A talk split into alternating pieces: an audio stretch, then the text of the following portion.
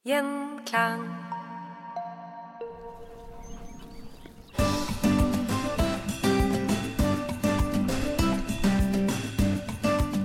Velkommen til podkasten Merlot den langsomme reisen.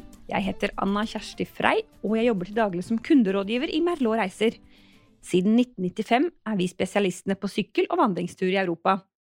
Som gjest i studio har jeg i dag sjefen min Erik Andersson. Hvor skal vi i dag, Erik? Jo, i dag skal vi, skal, vil jeg at du skal bli med på en fantastisk fin sykkeltur langs Donau. Fra Passau i Tyskland og til Wien i Østerrike. Heng med! Takk for det.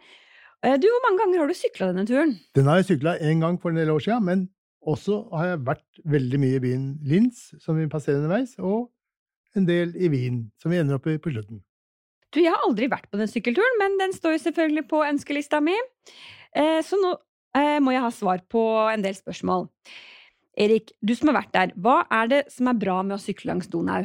Ja, først og fremst har vi selve elva sjøl, Donau, som er eh, Europas nest lengste elv. Den renner fra Sør-Tyskland og ut i Svartehavet. Elva har i tusenvis av år vært Sentral-Europas viktigste ferdselsåre. Her er det pilegrimer og soldater og handelsfolk og ikke minst sjøfolk som har ferdes i tusenvis av år. Sjøfolkene har bemannet prammene på elva. Og med folka fulgte varer av forskjellige slag, og, men mest av alt ideer og kunnskaper og kontakt mellom forskjellige folkegrupper i Europa. Og den beste med den turen i dag er selve sykkelveien som går tett inntil elvebredden, faktisk på begge sider. Og dette er gamle slepeveier fra den gangen eh, prammene ikke hadde motor, og de brukte hester for å trekke prammene oppover elva. Hestene er borte, men veiene ligger der ennå, og i dag er det en fantastisk fin sykkelvei som er veldig, populær, med tusenvis av syklister som sykler her hvert år. Og antall syklister har jo medført at mange gode servicetilbud for eh, oss som sykler. Det er eh, Biergarten, og det er vinprodusenter med smaksprøver, og det er sykkelbutikker hvis du trenger noe ekstra tilleggsutstyr eller service. Så her er det alle mulige tilbud. Så bra. Eh, Skal vi begynne med ankomsten? Du, Hvordan kom vi oss til første overnattingen i Passau i Bayern, Tyskland, og hjem fra Wien? Vi ønsker jo at våre deltakere skal reise langsomt som mulig, og helst eh, kanskje sykle hele veien, men det blir veldig langt, da. Og selv med bil og buss og tog gjennom Europa, så er det mange som syns det litt, eh, tar litt lang tid. Så de fleste velger nok fly. Sånn er det. Da er det München eller Wien som er det beste alternativet, og derfra går det tog. På utreisa fra München så tar det ca. to timer med tog til Passau, og tre timer fra Wien. Fra Oslo Gardermoen går det flest direktefly til München, men Wien er også mulig å fly direkte til.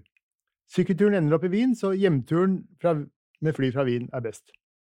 For de som ikke sogner til Oslo Gardermoen som sin naturlige flyplass, så finnes det mange muligheter for å komme ned til München og hjem fra Wien, men da må man mellomlande i Oslo, København, Amsterdam eller noe annet. Ja, Men du Erik, kan du fortelle meg litt om Passau? Jo, Passau det er jo da en by i Bayern, helt på grensa til eh, Østerrike, og kalles for Venezia i Bayern. For her møtes eh, tre elver. Det er vann på alle kanter. Du har elva Inn, som kommer fra sør, og du har Donau i seg sjøl, som kommer fra vest. Og så har du den lille elva Ils, som kommer fra nord. Og sammen renner de inn i hverandre og skaper en større Donau.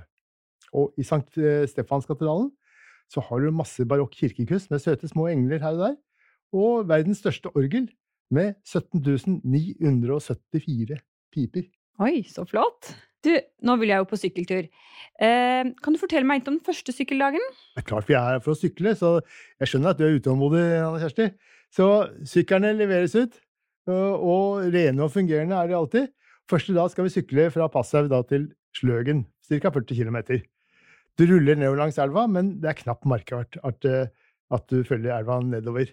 For eh, i løpet av uka så er vin, høydeforskjellen til vin ikke mer enn 180 meter, så det merker du ser du faktisk ikke. Annet enn at du ser jo at elva renner litt nedover. Straks utenfor passet passerer du grensa til Østerrike, og nå er du da det som kalles det ville Donau, med mye natur og, og skog, og ikke så mye bebyggelse akkurat der. Ved Sløgen så gjør Donau en stor U-sving, og dette motivet er ofte avbildet i turistbrosjyrer. Veldig fint landskap. Her er det vanligvis overnatting, men overnattingsstedene på denne turen kan variere litt med beliggenhet, og det er litt avhengig av stand, altså det er litt avhengig av øh, hva som er tilgjengelig når vi bestiller. Standarden er det samme. Det er rent og fint, og det er alltid bra øh, toalett og bad på rommet. Så hvis det ikke blir overnatting i Sløgen, 40 km til Passau, så blir det i landsbyen Untermyhl, 10 km videre. Da blir avstanden fra Passau 50 km, men du får 10 km kortere neste dag. Og når vi er framme i Sløgen, er bagasjen med oss? Å ja, bagasjen satte vi fra oss på hotellet i, eh, i Passau, og den har kommet fram til Sløgen. Så bra. Så den har vi ikke behøvd å slepe på i det hele tatt. Nei, deilig.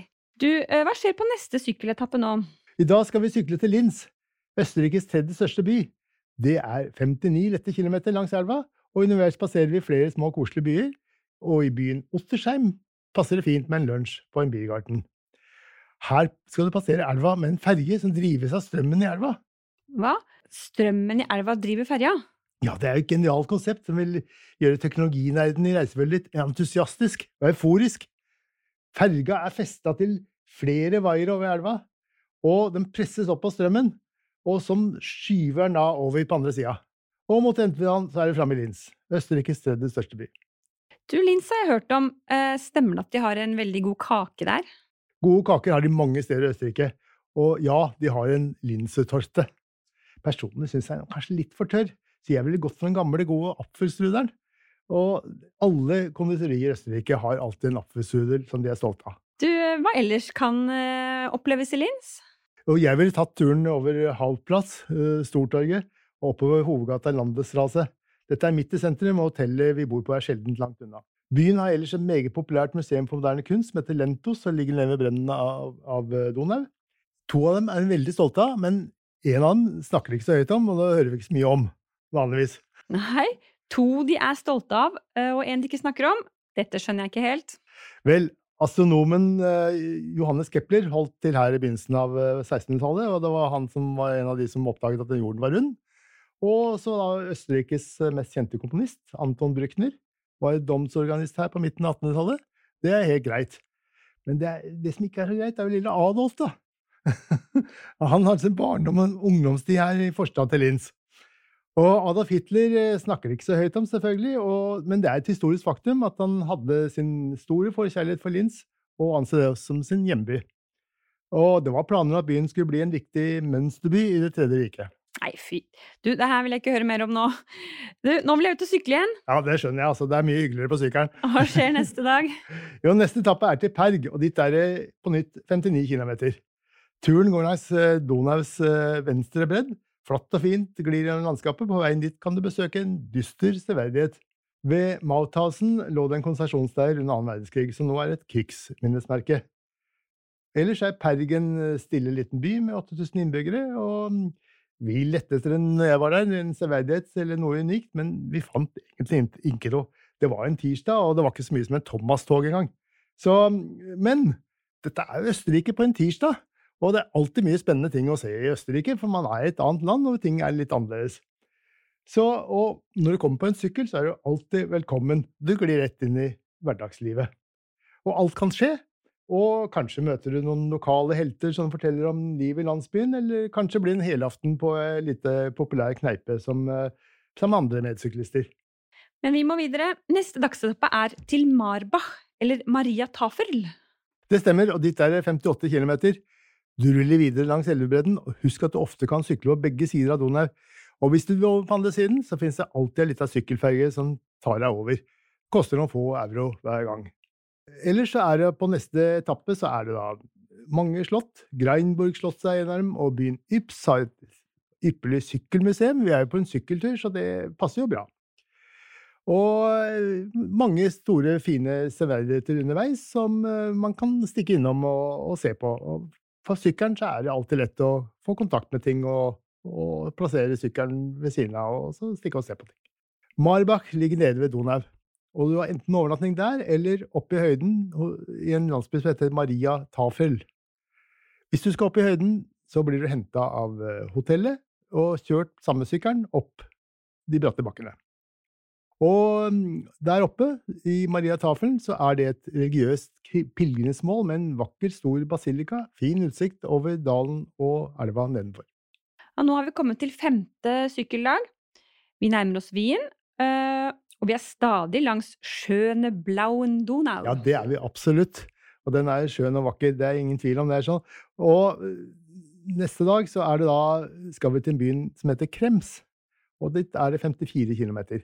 Og i dag så passerer vi også en liten by som heter Melk, hvor det er et stort benediktinerkloster, grunnlagt i 1089. Så det er gammelt, og med stort, fint bibliotek, vet jeg de har, som er en stor attraksjon.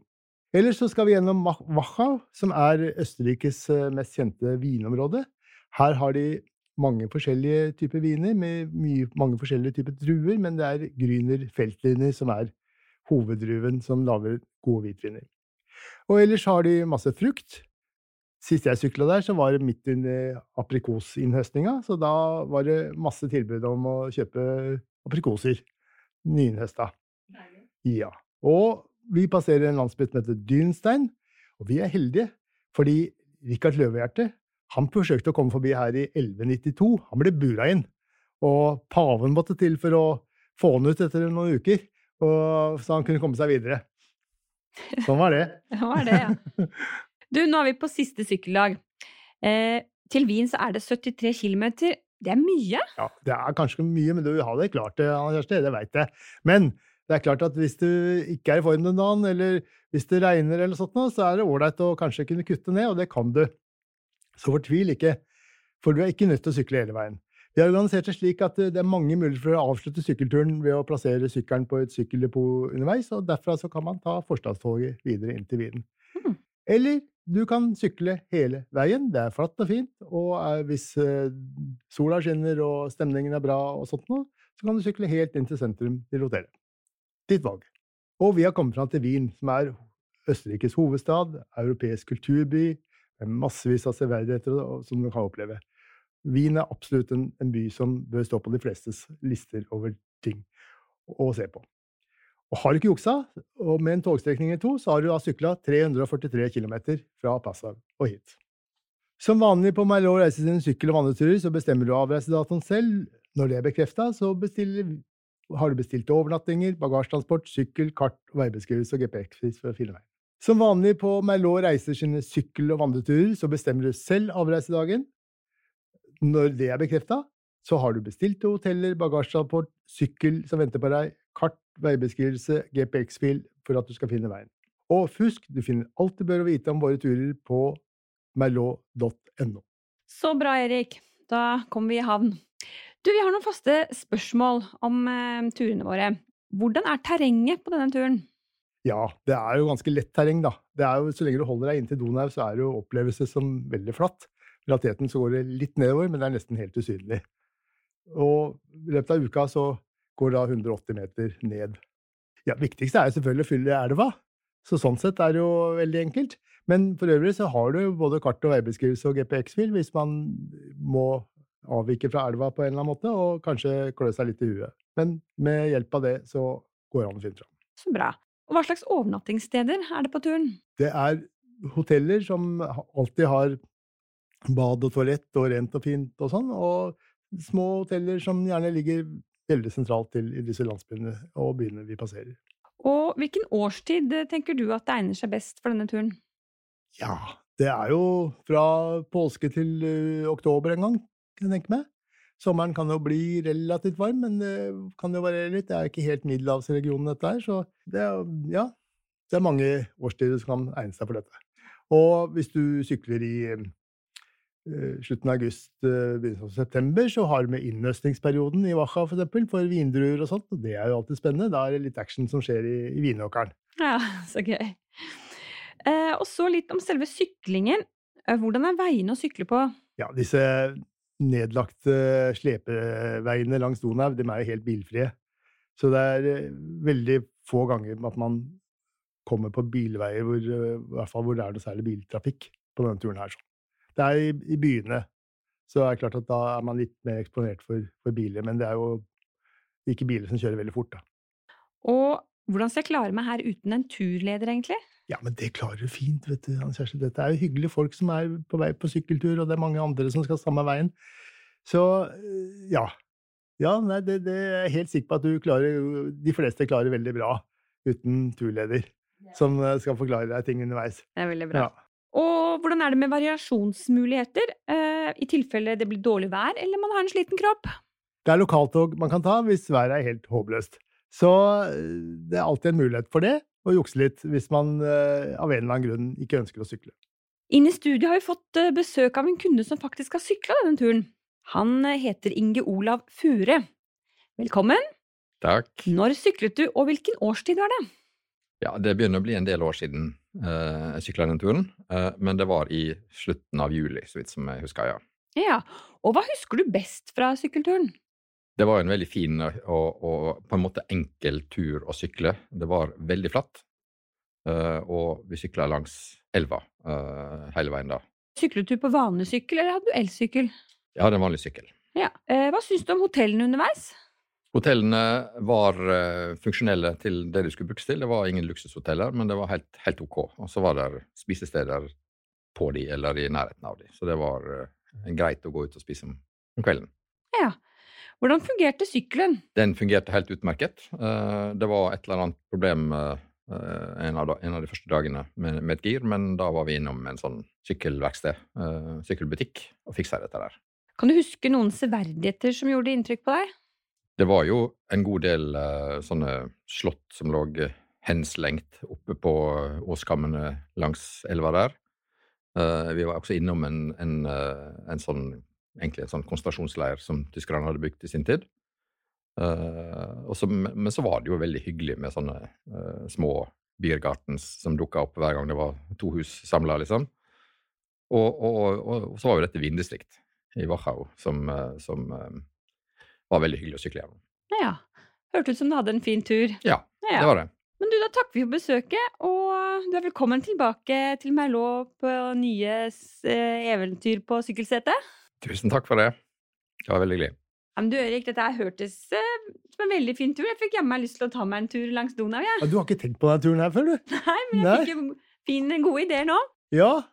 Det er jo det er ikke bare selve syklinga, men det er jo veldig mye fine ting å se på her, da. Ja, Ja, og så blir man jo, får man nærkontakt med Østerrike, da. Ja, Så kan du krysse av på lista for at du har vært der òg. ja. Ja. Så bra. Nei, men du, da har jeg eh, noen nye ideer på ferielista mi, så da takker jeg for at du kom i dag, Erik. Takk det samme, Anna Kjersti Frei. Det var veldig hyggelig å være her sammen med deg.